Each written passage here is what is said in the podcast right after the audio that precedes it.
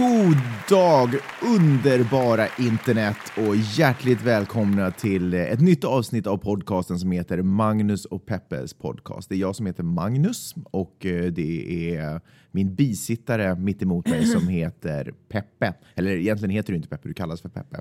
Skitsamma, det känner sig... den här podcasten börjar handlade det om mig. Ja. jag plötsligt en bisittare. För, först hette, hette podcasten Vad har Peppe lärt sig under veckan som gått? Nu heter den Magnus och Peppes podcast. så där, det, evolution kallas det för Peppe. Evolution, evolution, evolution. Eh, I den här podcasten så tar vi upp saker som intresserar oss som har med samhälle att göra Och med journalistik. mm, och med feminism. Eh, helt enkelt därför att vi är två feminister utbildade till journalister som lever i samhället. Eh, så, så vi slog ihop de grejerna och tänkte att vi ska prata lite om det. Det finns mycket missförstånd där ute om saker ni läser och saker ni får höra och saker som folk berättar för er så vi tänker att vi ska hjälpa reda ut för er. Eh, vi brukar vanligtvis ta upp tre stycken saker och det ska vi göra också den här gången. Men jag ska börja med att berätta en liten observation som jag gjort som jag tycker är sjukt rolig, sjukt underhållande. Eh, när, man surf, när jag surfar omkring på, eh, på Instagram och tittar på vad folk pysslar med och Twitter och sådär så ibland så kommer det en eh, en liten notis om att nu har, nu har du Magnus, nu har du underbara Magnus, brukar Instagram säga till mig, har du fått en ny följare? Och så går jag nyfiket in och tittar på vem denna, vem denna otroligt intelligenta person är. Och ibland händer det att det är en, eh, en, en, en kille i ungefär 30-årsåldern som ser ganska slick ut, liksom. eller du vet sådär välpolerad. Eh, och så står det under honom, för då vill jag naturligtvis veta varför den här äh, fantastiska killen vill följa mig eh, med mitt blygsamma utseende. eh, och så står det att han är mm, kanske socialt mediaproffs eller han eh, kanske till och med ett Instagram, Instagram-proff eller du vet, proffs eller han ägnar sig åt någon form av marknadsföring som, där han sitter på skills hur man får mycket följare. Och så, så tittar jag och så ser jag att han själv har kanske 127 följare och jag tycker att, alltid att det är så sjukt roligt. Men han kanske, han kanske började för 20 minuter sedan. Sant, det kanske han har gjort. Eh, med tanke på hans ålder, troligtvis har han gjort det. Men jag vet också att det finns jättemånga där ute som, som jobbar med marknadsföring och som jobbar just med hej, vi kan hjälpa dig att få skitmycket följare. Eh, följ oss bara på Twitter så ska vi sprida ordet och så har de typ sådär 200 följare själv. Jag, jag, alltså inte att förakta, men Det låter lite föraktfullt. Jo, men jag menar det finns folk där ute som har tusentals följare och då känns det jättekonstigt om man är ett Som du till exempel. Då.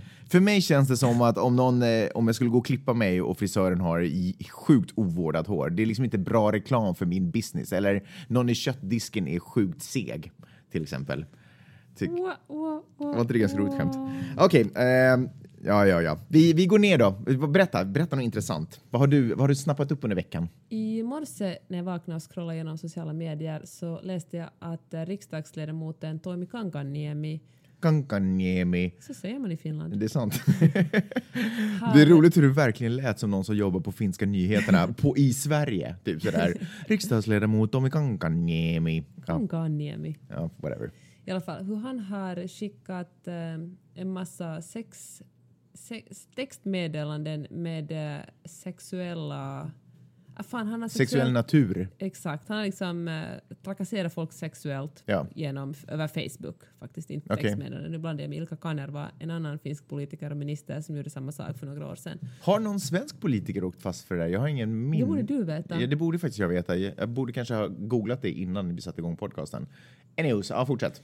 I alla fall, och eh, han har alltså skickat Facebook-meddelanden att folk som har jobbat inom partiet, Mm. han, är, han är sannfinländare, före detta kristdemokrat, han har till och med varit ordförande för Kristdemokraterna och varit minister och han har snackat mycket om att man ska vara nykter och, och vara en, liksom en god kristen. Ja. Och eh, ja, nu, har, nu har han gått över liksom till en ännu mörkare sida där han är, är sannfinländare. Och Samfinländare som är egentligen Finlands motsvarighet till Sverigedemokraterna kan man säga. Jag gillar att du låtsas att vi har jättemånga svenska lyssnare. Nej, men jag försöker uppmuntra svenska lyssnare att, också, att de också ska få ut någonting av att lyssna på den här ja, idiotiska podcasten. I alla fall så har han skickat meddelanden där han, där han föreslår att, att, att, att yngre kvinnor inom, som, är på något, som är på något sätt anknutna till partiet att de, de skulle sova bättre om han skulle vara där och, och knulla med dem. Jag gillar den dramatiska konstpausen innan vi fick höra vad det var han skulle göra med dem. Och då läste jag faktiskt också bland alla de här rubrikerna kvällstidningarna gottar Men alltså i har han bara här. spontant skickat sånt eller är det liksom på en fråga? Åh, hur ska jag göra för att sova? Jag kan inte sova i natt. Så- han har börjat så här trevande just försiktigt Vad har du på dig? "Jaha, Vad har du på dig? Mitt hotellrum är så tomt. Ah, svarar det här är när han är ute på resor förstås, Ja, så känns det exakt. ensam. Just det. Ja, Lite som jag i gift. Las Vegas i helgen ungefär. Exakt, det var ungefär samma sak. Ja. Och eh, han är alltså då gift, så han har varit på, gjort det här på hotell och så har de här kvinnorna varit sådär, åh, ganska trött just nu, gäsp, gäsp. eh, Bara, så som kvinnor gör, som jag också känner igen, man vill ju inte såra någon på något sätt. Mm. Så någon kommer och trakasserar en lite milt så då är man sådär att, "Åh, ursäkta nu men eh, det skulle vara behagligare för mig om du skulle sluta trakassera mig sexuellt. Jag vill Ja. absolut inte såra dina känslor men eh, kan du snälla sluta? Så kvinnorna har typ svarat sådär att, åh, jag är jättetrött, jag ska nog gå och lägga mig nu. Och då svarar han, mm, en nyknullad skulle säkert sova lite bättre. Och det är ju jäkligt obehagligt. Och det, tänk, och det handlar ju om folk som är liksom, han är ju en, en inte kanske i riktiga livet, men inom partipolitiken så har han ju en alfahanne. Han har liksom varit minister, han har varit partiordförande, ordförande, han är nyinvald. Så han har säkert en viss status och är man själv på något sätt intresserad av att avancera inom partiet så kommer man säkert inte bråka jättemycket med honom. Så han sitter på en viss maktposition. Och det är säkert också därför så folk inte bara har gett honom en, en örfil utan svarar sådär artigt på hans inviter. Och då läste jag en, en jättebra kolumn av en, en före detta kollega till mig. Hon skrev i, i Anna-Kaisa Suni skrev i Vihreä Lanka på en sak som jag också funderar på hur eh, media ibland eh, blandar ihop sex, sexuella trakasserier med sex. För egentligen handlar det om makt, sam, samma sätt som våldtäkt egentligen inte har någonting med sex att göra utan det är en våldshandling. Ja. Så handlar inte sexuella trakasserier heller om, om sex. Så han har liksom inte suttit på hotellrummet och skickat sextextare ut. För det, det eh, antyder lite att det fanns en, eh, alltså att det, allting var under, att alla Att var med på det. Liksom. var med på det. Ja, precis. Just det, intressant. Och uppenbarligen så har det gått lite som i Bill Cosby-fallet där det först klev fram en kvinna, sen en till och sen en till. Först var det bara en, nu har det kommit fram två, nu är det väl tre kvinnor som har sagt att han gjort samma sak. Och andra som har vittnat om att, att han har ofta det har varit partifester och de har varit ute och rest kanske på några kampanjresor så han snacka, försökt snacka upp dem till att ha sex med honom. Och uh, det är så otroligt obehagligt. Alltså jag kan, jag kan liksom förstå, jag kan känna hur obehagligt det är. För några, jag berättade om hur för några veckor sedan åkte en Uber med en chaufför som ville tala jättemycket om sex. Och jag, och jag liksom, det var så otroligt obehagligt, det kändes så smutsigt. Jag ville liksom att han skulle sluta tala för alla, varje, varje ord han sa kändes som det skulle smutsa ner mig. Och eh, ja, jag, Det är, det är intressant det där, för att som eh, snubbe så finns inte den situationen där ett sexmeddelande skulle vara någon form av trakasseri eller egentligen ens känna, kännas obehagligt, vare sig det var adresserat till mig eller inte. Eh, men skulle du säga någonting? För du viftar med nej, nej, jag pekfingret. skulle säga just det att det var intressant för en, en, en annan, en, en annan kompis, kompis till mig, inte bara Ja. du, skrev så här på Facebook, han brukar annars vara liksom, försvara all, feminismen och liksom vara, stå starkt upp på de feministiska barrikaderna. Men han kunde inte heller fatta det. Nej, jag, jag sa inte att jag inte fattar det. Jag sa bara att sånt här händer aldrig. Eller sånt här kan inte hända en man. Nej, Jag kan, inte heller gå på, det. jag kan inte heller gå i en park och vara rädd för att bli våldtagen. Det, det, kom, det kommer aldrig hända. Mitt liv. Nej, men, men den, för, den här, min kompis skrev sådär att han kan liksom inte fatta det här drevet. Att uh, vad är det här för liksom, uh, moralkonservatism? Liksom, att det är ju oschysst mot den här Tommy Kankaniemis fru och det är ju inte snyggt gjort men att kom igen liksom. Alltså av att tjejerna kom ut eller att pressen skrev om det. Liksom. Överhuvudtaget antagligen Ja. han pressen skrev om Ja. liksom, att det går drev nu när alla vill. Oschysst mot hans fru. Det är ju han som har varit oschysst. Alltså vad konstigt. Ja, nej, men det var han som var oschysst mot sin Ja. fru också. Ja. Men, att, men att man tar i liksom, eh, man tar, att man blåser upp det till någonting mycket större än vad det egentligen är. Mm. Men jag tycker att det är liksom ett, ett, perfekt exempel på hur män, i- män i, liksom, eh, i maktpositioner tror sig ha rätten till Fast jag att det är inte- ta sig det- friheter. Det är faktiskt inte bara män i maktposition. Egentligen så i sådana här situationer så är män per definition i maktposition när det kommer till kvinnor. Därför att, av många anledningar egentligen. Eh, och, och därför så tror jag inte heller att män förstår alltid tyvärr vilken överträdelse det är. Därför att det är en maktposition eh, som man befinner sig i om man skickar ett sånt meddelande. För att jag tänker om jag skulle fått ett sådär, ah, du behöver, om du är nyknullad så sover du säkert bättre, så hade jag förmodligen skrivit, ja ah, det stämmer nog. Eller men du vet sådär, ja ah, det är ju fan rätt liksom. För, att jag, för, det, för mig hade det inte varit en sexuell handling. Eh, och, eh, ja, jag vet inte vad jag ska säga. Men, men, ja, men, det, men det är intressant. Und, und, tror du att han tänkte på det liksom på det sättet? jag tror han tog det som en självklarhet att han har rätten att fiska lite runt Mm. och sen nappar det, är ju fan tur för honom. Han har förresten nu tagit bort sitt Facebook-konto helt fullständigt antagligen. Okej. För att, och jag kan inte förstå heller, hur kan man vara så urbota dum att man ens gör det, att man gör det i skrift? Mm. Handlar det om åldern, att man bara inte fattar att allt man skriver på internet är evigt? Bara den saken faktiskt. Och dessutom så representerar han ju ett parti som nog är lite extra under lupp, även fast de får jättemycket onödig marknadsföring också. Eh, men som nu på något sätt ska bevisa sig, för de har precis kommit in i regeringen och så representerar han dessutom som egenskap av politiker och med tanke på sin karriär så är det ju jäkligt osmart. Mm. Tänk att Ilkka Kanerva som gjorde samma sak, han måste ju avgå som utrikesminister för Ja. att han skickade en massa sexuella trakasseri-textmeddelanden åt en annan kvinna. Tror du att den här snubben kommer måste avgå? Nej, att- nej, Tycker du att han inte. borde avgå? I Finland behöver man inte avgå. Det är väldigt ovanligt Men att man avgår. eh, som du sa, Ilka Kanerva måste ju göra det. Ja, men jag, jag tror faktiskt inte det. Och jag, tror, jag tror att, liksom, att eh, stämningen just nu i Finland är så gubbig att Mm. man inte behöver avgå. Det känns som feminismen verkligen håller på att backa enormt mycket just nu. Ja. Alltså, Jag tycker att det mesta håller på att backa. Jag måste säga nu en sak. Jag kommer ihåg när jag själv jobbade på riksdagen för Eva Bjödé för jättemånga år sedan. Så fanns det en snubbe som jobbade på, på internationella avdelningen på femte eller sjätte våningen i alla fall. Och uh, då kommer jag ihåg att det fanns... Varför vill du inte säga hans namn? Jag kommer inte ihåg vad han hette. Jaha. Och, eh, men jag kommer ihåg att alla som jobbar, alla liksom unga kvinnor som jobbar där visste att man aldrig ska ställa sig ensam med honom i hissen. Mm. Så kom det en hiss och hissdörren öppnades och han stod där så det bara väntade man på nästa. Och det var Vad som hände då? rutin. Han tafsade på en eller började tala om sex eller det var liksom en otrevlig stämning. Äckligt. Oskönt, oskönt, Men oskönt. det, min poäng var det att, att media har en, en eh, och det känns så töntigt att säga media, men alltså att om man jobbar på en tidning och rubricerar Som journalist har man. Ja, har man ett visst ansvar att fundera hur man, liksom, hur man skriver om Mm. sådana saker. Men det här tycker jag är ett bevis på att det är förmodligen en snubbe som har skrivit den där artikeln eller som har, eller du vet, som har uppmärksammat det på något sätt när det rubriceras som ett sex, eh, sexmess och inte som sexuella trakasserier. Ja, För att, man, för att man förstår inte det som sexuella trakasserier för det var bara ett, ett textmeddelande med sexuell karaktär. Fast jag tror att en kvinna också kan skriva så. Tror du inte de heller fattar? Alltså jag tror att de alltså, som kvinna fattar ibland att det är så, men man vill inte liksom... Man, är, Man vill inte vara bitchen på kontoret. Man, nej, precis. Man vill spela liksom snubbarnas spel. Man vill liksom inte öde sig att ah, du skrev bara sådär för att du var kvinna. Mm. Hmm. Kan jag föreställa mig. Störigt. Ha, eh, jag tänkte prata om en annan sak, Okej. om jag får. Ja. Tack. Eh, jag tänkte prata om tv och medias makt eh, över hur vi ser världen. Och jag tycker att det är extra intressant nu därför att det är ju inte bara tvn som, vi, som projiceras i vår, tv-bilden som projiceras i våra ansikten utan nu får vi ju liksom, du vet, Youtube och alltihopa. Det finns ju så otroligt mycket. Och hur allt det här formar vår värld. Och jag lyssnade på en fantastisk podcast som jag verkligen kan rekommendera och det är naturligtvis vårt förra avsnitt av Magnus Peppers podcast. Nej, jag skojar bara. Nej, men det, är- det är en podcast som heter eh, Cracked. Eh, och den kan ni lyssna på. Och de tog upp ett jätteintressant fenomen. Okej, eh, nu ska jag göra det här historien och utläggningen jättemycket längre och mer komplicerad genom att först börja berätta att eh, jag har en, äh, det är egentligen inte ens teori, för mig är det helt sant det här. Och om ni inte tror att det här är sant så då är ni bara dumma. För det här, det är precis så här det är.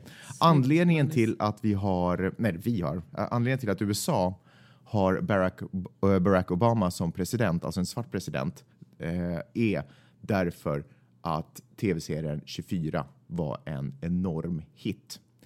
Eh, och anledningen till att Barack Obama och Hillary Clinton stod mot varandra i vem som skulle bli Demokraternas presidentkandidat eh, var därför att Gina Davis hade en tv-serie ganska under en period samtidigt som 24 gick.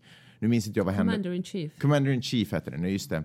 Eh, Där hon då alltså var en kvinnlig president. Hon spelade rollen som en kvinnlig president. Eh, och anledningen till att Barack Obama vann var därför att den svarta presidenten, i, som jag tyvärr inte minns vad han heter, i 24 inte var huvudrollen. Han var birollen. Det var fortfarande eh, en vit snubbe med pistol som kontrollerade. Kiefer Sutherland. Jo, jag vet, men det är helt onödigt. En gammal crush. Töntigt. Eh, Det var fortfarande en vit snubbe med pistol som styrde upp dagen. och därför känns det safeare att lämna över landet till eh, en svart president snarare än en kvinna. I, I Gina Davis fall så var det ju hon som var bestämde och det kändes, det kändes alldeles för skrämmande. Eh, för jag, jag är helt av den eh, åsikten att människor är alldeles för dumma för att tänka ut, de flesta tyvärr, eh, och tyvärr är det de flesta som har rösträtt, eh, är alldeles för dumma för att, för att vad heter det när man har en vision, att visionera, heter det så? Mm. Nej? Att, att eh, föreställa sig en bättre framtid, ut, eller eh, föreställa sig överhuvudtaget någonting egentligen eh, som verkar smart och, och bra. Så man får, måste få det presenterat för sig. Men är det här eh. någon slags konspirationsteori? Nej. Att någon har planerat? Vi ska... Eh, konspirationsteorin skulle vara att någon har planerat det här. Eh, det, det, det, vet jag inte och det är egentligen för mig ganska irrelevant om någon har planerat eller inte. Faktum är att två shower har kommit ut som porträtterar det här tror jag ändå är är anledningen till att... Att folk vänjer sig vid att se folk har vant sig. Kanske de ville ha en svart president i den där serien därför att de ville på något sätt också börja väcka vara folk. moderna kanske. Vara bara. moderna, precis. Och boom, nu är vi ännu lite modernare än vad vi var Fast innan den serien kom ut. Det i din teori här tycker jag, eller din spaning, är att det ändå var den vita snubben som hade makten. I, I 24, ja precis. Ja. ja. men det är ju han. Det är ju alltid en vit snubbe med pistol som man på något sätt ändå hejar på eh, i alla filmer och, och i världen.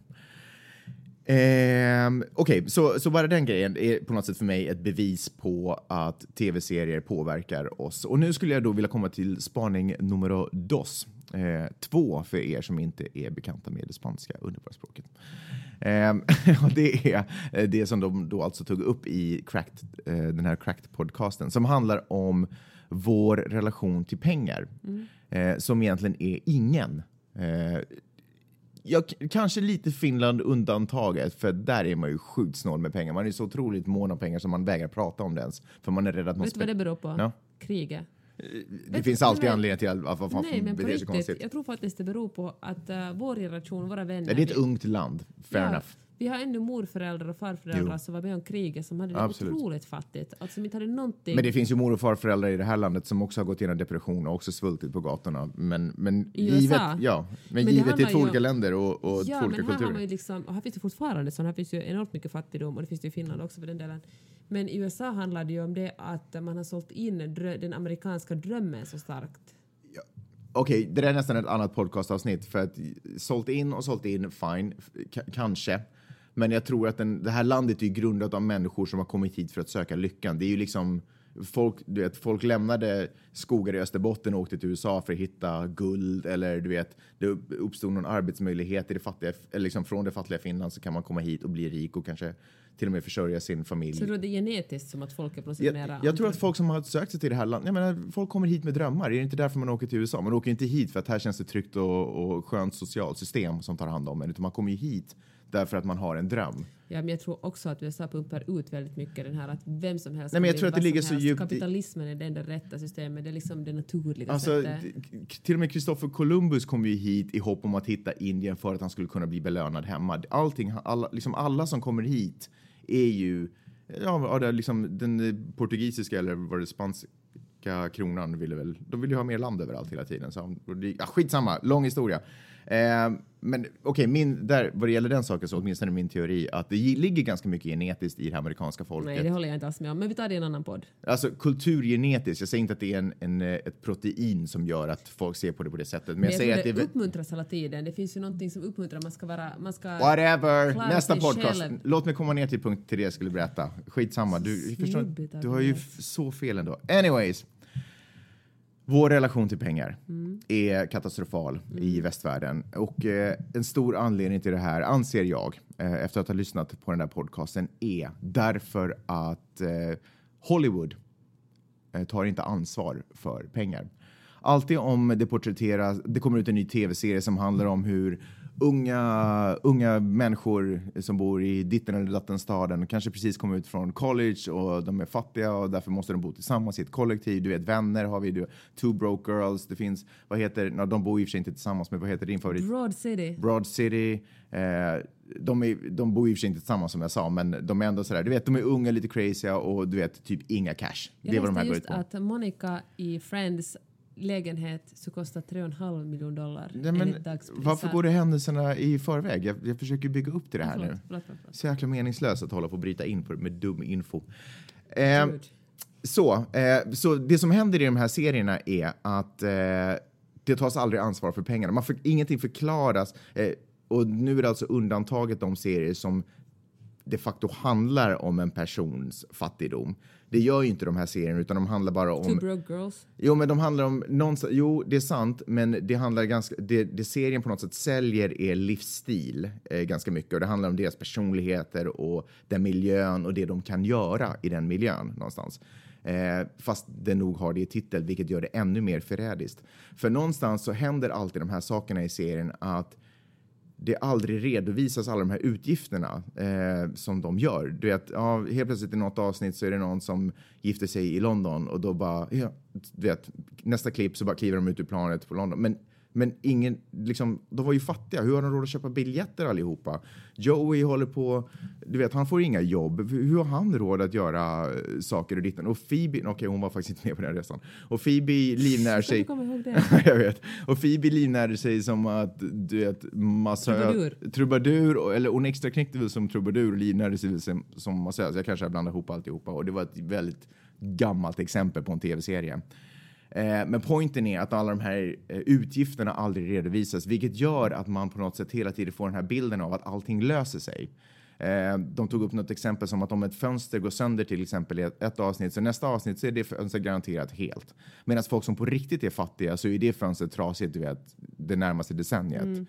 Alltså det, det beskriver mm. inte verkligheten och, och jag tror att alla förstår, ja det är tv, du vet det är inte verklighet, de, de försöker berätta en historia, man kan inte hela tiden på, hålla på att stanna upp i hur ska de lösa den ekonomiska situationen. Och det kan finnas bakgrundshistorier som att, ja du vet, eh, hon eller han hade en mormor som var svinrik som dog och så fick hon ett jättearv och det förklarar liksom varför de har möjlighet att göra det här. Och det finns ibland avsnitt som tar upp, eller jag skulle inte säga tar upp, utan sveper förbi det här så att man liksom får det lite logiskt fastställt i huvudet. Men det är inte så serien säljs eller porträtteras. Men känner du det lättja av manusskrivarna? Nej, eh, jag känner att det här är min teori kring det här är ju för att tv-serier och nu ska jag faktiskt vilja säga att rubriken för mitt lilla utlägg här handlar om varför du ska läsa böcker. Därför att det tv-serier alltid vill göra är ju att de vill sälja saker och ting. Tv-serier är hemskt sällan bara en persons vision om en bättre värld som den försöker eh, presentera för dig i, i, i, hopp om att du ska börja röra dig mot den här men världen. Men måste underhållning alltid handla om en bättre värld? Uh, nej, nej, nej, nej, men, men, men, även fast man porträtterar en dålig värld så är det ju ofta som ett avskräckande exempel. Alltså, någonstans så tror jag att man i konst eller någonting så vill man ju diskutera samhället som det, som det ser ut och man vill diskutera saker som man tycker är positivt i hopp om att de ska tas vidare till nästa år. Och man vill diskutera saker och ting som är negativt i hopp om att de inte följer med en till nästa år. Eh, eller hur? Har jag mm. rätt? Så, och, jag, och jag tänker mig att skriva tv-serier på något sätt är någon form av konstform ändå. Problemet är att de här tv-serierna alltid görs med någon form av ekonomiskt intresse i bakgrunden. Att även fast kanske inte han som kom på den här showen, eller hon för den delen, hade det. Så någonstans så kommer det alltid malas ner genom eh, tv-bolaget till någon form av ekonomiskt intresse därför att det i något skede någonstans ska komma in pengar också precis av samma anledning som man vill sälja annonser på Youtube. Du vet, någonstans måste cashen komma som in. product placement då? De måste göra saker för att man ska bli sugen på jag att konsumera? Jag är inget marknadsföringsproff med 123 stycken följare så att jag, kan, jag har ingen aning om hur de här pengarna... Men, du är men, bara en vanlig konspirationsteoretiker. Nej, men det här är inte ens en konspirationsteori. Alltså, saker, om det är någonting som min korta vistelse här i USA har lärt mig att det finns ingen anledning att pitcha en idé, idé om du inte också kan presentera hur den ska generera pengar. Idéer finns miljoner av, det är de som genererar pengar som tar den vidare. Så, så det, det, som händer då är när man, eh, och därför är de naturligtvis inte intresserade av att prata om pengar i de här serierna, utan man vill ju presentera livsstil, man vill se vackra människor i coola kläder som man ska bli inspirerad av. Oh, jag vill också leva det här livet, att man kan bara glida runt, man tar lite drink, badabam, dricker lite latte, man gör lite ding, lite dong och sen eh, så finns bara pengar på något sätt. Och sen däremellan kan man beklaga sig över att man inte har dem, men man förklarar aldrig hur tusan man hade råd att göra allt det där. Och på och, vilket sätt förstör det här? Två en... problem. Första problemet är att det finns väl... Eh, jag ska svara på din fråga faktiskt. Jag är glad att du tog upp det. Eh, två anledningar. Eh, problemet är att det finns på riktigt fattiga människor. Och hur tror du de känner sig när de vet att de är fattiga? Titta på en tv-serie där folk claimar att de är fattiga och ser att de bor i dubbelt så stor lägenhet som dem och kan glida runt i Manhattan och dricka latte du vet, och ha det tjo och tjim. Eh, Sex and the City är ett annat väldigt inaktuellt exempel. Hon kommer hit och skriver krönikor och du vet har skor till ett värde för 400 000 dollar. Liksom. Jag gör lite krönikor för Sveriges Radio och jag har ett par sneakers. Jag vet. Ni som lyssnar kanske inte visste det. Eh, så, så det är väldigt orättvist. Så de som på riktigt är fattiga, hur... hur Det liksom... måste vara så realistiskt då? Måste konsten vara så realistisk? Nej, men det är ett problem när det är det som, är- precis som jag Men det är inte tråkigt om man sitter på jobbet. Man, som, nu sitter den här personen åtta timmar på kontoret. Jo, det, absolut. Visst är det tråkigt. Absolut. Men problemet är när vi väljer att ta vår verklighet ifrån de här serierna. Precis som jag berättade i den här presidentgrejen. Vi, vi, vi gör ju som de gör. Och därför kommer det ut ungdomar nu som inte har någon koll. Det finns en annan anledning till det också som de tog upp i den podcasten, så ni kan bara gå in och lyssna på den också. Eh, när ungdomar kommer ut från skolan nu och så blir det så här, men vänta, varför kan inte jag ha en trerummare och bo ihop med mina flashiga polare och glida till, du vet, Paris på ett veckoslut? Därför att verkligheten ser inte ut så. Och vem ska lära dem hur verkligheten ser ut? No, det är klart föräldrar förstås. Men det här är, det är liksom det andra problemet. Att vi har liksom inget, vi har inget koll på pengar därför att de här verkligheterna som vi, som vi presenteras för tar inte ansvar för dem. Det är inte deras grej.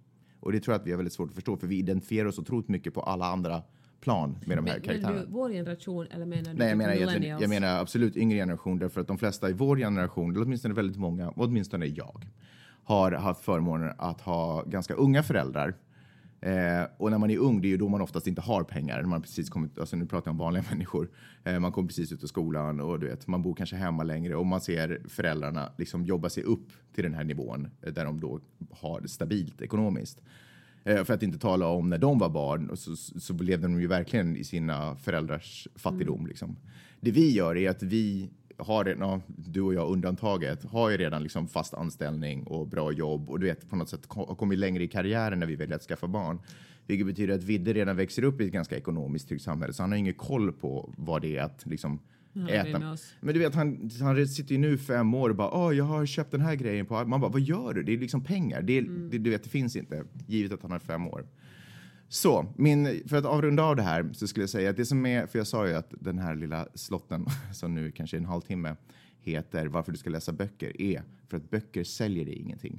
Och böcker har också möjlighet att på ett annat sätt att ge en bredare och fördjupning in i de här karaktärerna så att du också får en förklaring till hur det var möjligt att den personen kunde spendera de här pengarna fast pengar aldrig var fokus. Men det, det blir mer logiskt uppbyggt.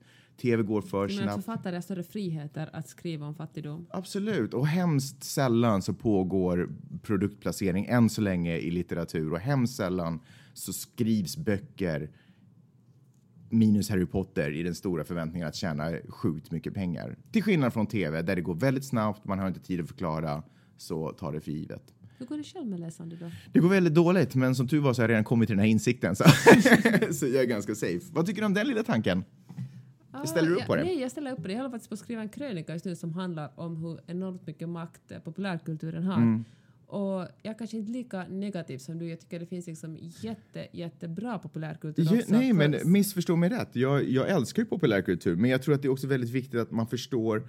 Du vet, det är en sak vad man säger, men det är en annan sak vad som aldrig sades. Eh, Det där kan vi faktiskt ta upp i ett annat, en annan podcast som kommer handla om rasism, tänker jag. För att det är en sak att säga eh, att eh, ah, asiater är så himla bra på att räkna. Men, men det, är en, det som inte sägs någonstans är samtidigt, ah, ni har inga sporttalanger. Men du vet, det finns, det, det finns alltid två sidor av det Uh, där. Louis CK hade en superrolig stand-up om det där på Saturday Night Live faktiskt. Okej. Där han sa att han har vuxit upp på 70 och 80-talet och därför han, är han inte rasist, men ändå lite rasistisk. Mm. Så när han går in i en eh, affär och det jobbar bara, om han går in på ett bageri och det jobbar liksom fyra svarta kvinnor där, Mm. så är han helt sådär, oh, good for you. Good for you. Ja. Nej, men jag tror att det är väldigt viktigt att man håller... Vi, ut, vi utsätts hela tiden för unga, slicka marknadsföringssnubbar som vill få, ta vår kontakt och få vår uppmärksamhet. Och de här människorna finns överallt på alla tänkbara... Eh, alla tänkbara... Alltså där det finns en megafon så står det en sån ganska nära. Och jag tror att det är väldigt viktigt att man liksom bara tänker vad det är som inte... Vad är det som... Det är som ett trolleritrick, du vet. Titta här, titta här, titta här, men allting sker i den andra handen. Ja, jag håller med dig. Men jag vill också tillägga att som jag redan sa, att populärkulturen här i USA är faktiskt jättebra. Alltså tv-serier som gör sig jättebra. Jag är så imponerad av hur snabba de är. För när det var de här eh, polisskjutningarna i Ferguson till exempel. gjorde Vad sa du? Polisskjutningarna Ja, i polis. Ferguson. Jag tyckte du sa polisskjutningarna. Ja, okej. Så gjorde både The Good Wife och Scandal och säkert någon annan tv-serie, jag ser på nästan alla tv-serier i hela USA men, Mm. men åtminstone The Scandal och The Good Wife gjorde båda blixtsnabbt ett avsnitt som handlar om ungefär samma sak. Ja. Vilket var jäkligt snyggt och de, jag tror de förklarade på ett sånt sätt båda två. Som var, jag säger inte att folk är dumma här, alltså det finns smarta och dumma människor överallt, men på ett ganska lättfattligt sätt. Så att, eh, ja. Ja, nej, jag håller med. Eh, Och det leder mig till ett annat tips. Kolla på en serie som heter Showrunner, eller förlåt, inte en serie utan en dokumentär som heter Showrunner som är väldigt intressant, som just handlar om folk som är producenter för, för olika tv-produktioner och sådär. Och det, och det var någon som sa att det tar ungefär en månad. Han sa att det är så fantastiskt att skriva på en show för en månad senare så är det ett avsnitt liksom som man kan titta på och njuta av antar jag. Hade du någon till sån grej som du vill ta upp? Nej, jag har faktiskt en gammal favorit som egentligen blir en ganska lång grej så jag Okej. kan försöka sätta, se den snabbt. Du, Ah. nej, ta det lugnt. En eh, före detta kollega, Nette Björkqvist, superbra, säkert en av Finlands allra bästa journalister, gjorde ett långt reportage om prostitution i Helsingfors. Där hon följde med, eh, hon var flera kvällar så åkte hon med liksom polisen som i sin tur åkte med och kartlagde olika uh, thaimassageställen och strippklubbar och för att kolla att om, det, om det fanns någon slags människohandel inblandat. Mm. Och eh, de arresterar ingen men de, liksom, de vill bara säga att vem det är som är ute och jobbar. Och, eh, och det var ett alltså, jätte, otroligt bra, ett jättebra reportage. Men jag tycker att ett problem är när man liksom då ska kartlägga prostitution och, och, och, det, och liksom tycker att prostitution är fel och framförallt människohandel är fel. Prostitution är faktiskt uh, tillåtet i Finland. Jaha, Det är människohandel och alltså koppling är förbjudet. okej.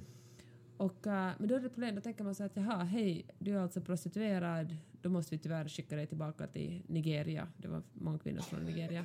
Och då tänker jag att är det verkligen liksom rätt sätt att lösa det här? Att man säger hej kvinna, nu kommer vi och räddar dig. Nu behöver du inte vara i Finland längre och ha sex med gubbar. Vi skickar dig tillbaka till Nigeria Mm. där du kanske inte har någonting. Och jag, vet, jag tog ju den här kursen på USC förra året som jag talade jättemycket om när podcasten nu hette Vad har Peppe lärt sig under veckan som gått? Mm.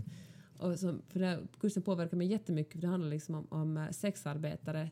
Och där fick jag på något sätt en aha-upplevelse där det är ganska få människor, den, den lyckliga horan är fortfarande extremt sällsynt. Men om man får välja mellan att, att jobba som prostituerad eller att låta sina egna barn svälta eller sig själv svälta så då väljer man kanske att jobba som prostituerad. Och eh, då kanske man som polis eller vem man nu är inte räddar någon genom att säga nu befriar jag dig från det här och skickar Genom hem att ta dig bort härifrån Ja, och skicka precis. iväg dig till fattigare ställe. Ja, precis. Och jag tycker att, och det känns väldigt farligt att ta- tala om det här för att man liksom utgår, åtminstone som feminist, åtminstone som nordisk feminism utgår man alltid från att, att prostitution alltid är fel. Att prostitution alltid handlar om våld, mäns våld mot kvinnor. Och jag kan delvis hålla med om det, men ibland tror jag att man måste tänka ännu lite längre. Att vara liksom, är allt, är prostitution det absolut, absolut sämsta? Ja, framförallt tror jag att det är viktigt att fundera på vem det är man skuldbelägger och varför. Att hjälper det att, att man också blir kallad hora och utslängd om man är att prostituerad? har, att, ja, att man löser det genom att säga att hej, du har du har inte uppehållstillstånd eller Mm. du får inte jobba här så nu skickar vi bort dig. Problem solved. Tror du att det någonsin kommer finnas, finnas en lösning för prostitution? Sen när vi är jämställda tror jag att det inte kommer att finnas prostitution just Tror alls. inte? Eller mycket, mycket, mycket mindre prostitution. Men jag tror att det helt enkelt handlar om global ekonomi. Alltså så länge som kvinnor har så enormt mycket mindre pengar än män är det helt enkelt ett sätt att kunna försörja sin familj. Mm. Och, eh, eller, eller, ja, ja, det är ju såklart problematiskt, men då man tala om varför ser liksom ekonomin ut som den gör. Hur kommer det sig att de som har mest pengar är män och den största gruppen fattiga i världen är kvinnor? Mm. Och, eh, men det är, ett jättebra, det är ett jättebra reportage. Jag kan lägga upp det på vår Flipboard. Flipboard-sida. Ja. Precis, vi har ju en, eh, vi har en, ett, liksom ett nätmagasin som heter Magnus och Peppes podcast som man hittar genom flipboard.com antar jag. Eh, och där, där lägger vi upp referenser till de artiklar som vi har hittat eh, som vi pratar om i Och en podcasten. massa andra också. Varje gång jag snubblar över en bra Faktiskt. artikel lägger jag upp den där. Så brukar jag också göra. Eh, ja, sånt läser jag. Inte så mycket böcker, men det läser jag. Bra. Var det det vi hade bjudit på den här Det veckan? var det Magnus. Mycket intressant Peppe. Är du stolt över mig att jag faktiskt tog så här mycket utrymme Ja. på plats? Det var bra. Jag är så lättad också. Mm. Så, Så du inte behöver tänka så mycket? tänka så mycket till vardags. Det är ju gener- det är generellt sett lite svårare för dig att tänka eftersom du är en kvinna också. lite gubbhumor här på slutet. Ja, det... Nej, lite ironi, Magnus. Okej, eh, tack för att ni har lyssnat. Och det, jag ska säga en sån här sak också. Jag och eh, jag antar att du också Peppe. Peppe, skulle uppskatta otroligt mycket. Det skulle betyda så jättemycket om ni gick in på iTunes och recenserade den här podcasten om ni tyckte om den. Eller du vet annars också. Det, det jag uppskatta jättemycket. Och du vet, ge den stjärnor och skriva något, skriva något Det snällt. behöver inte vara något jättelångt, bara sådär hej. Ja, det skulle betyda otroligt mycket. Och tack till ni som redan har gjort det. Det betyder otroligt mycket. Om ni någonsin vill ha en superbra producent så ska jag verkligen rekommendera Anton Häggman som var producent för Hjärtvänner. Så ni kan gå in och titta på det programmet så ser ni ungefär vad ni får. Och för att inte tala om eh, han som var regissör, Kenneth Kleile, som är en gudad benådad talang. Men referenser hittar ni om ni går in på Hjärtvänner. Stort tack för att ni har lyssnat Vänta den här lite, jag fattar inte alls det där. Vadå? Alltså, jag De har gått in och skrivit, ja, de, de har gått in och skrivit så jag tänkte att ge en shout-out till dem. För att de var så Ja, snälla. okej, jag tänker, kan någon av mina kompisar också skriva någonting bra i den här podcasten så jag kan ge en shout-out till er. Ja, jag hoppas det. Alla går in och skriver och tack så hemskt mycket för att ni har lyssnat och eh, glöm inte att prenumerera också givetvis. Ha det så bra. Ha det så bra, puss och kram. Hej! Hej.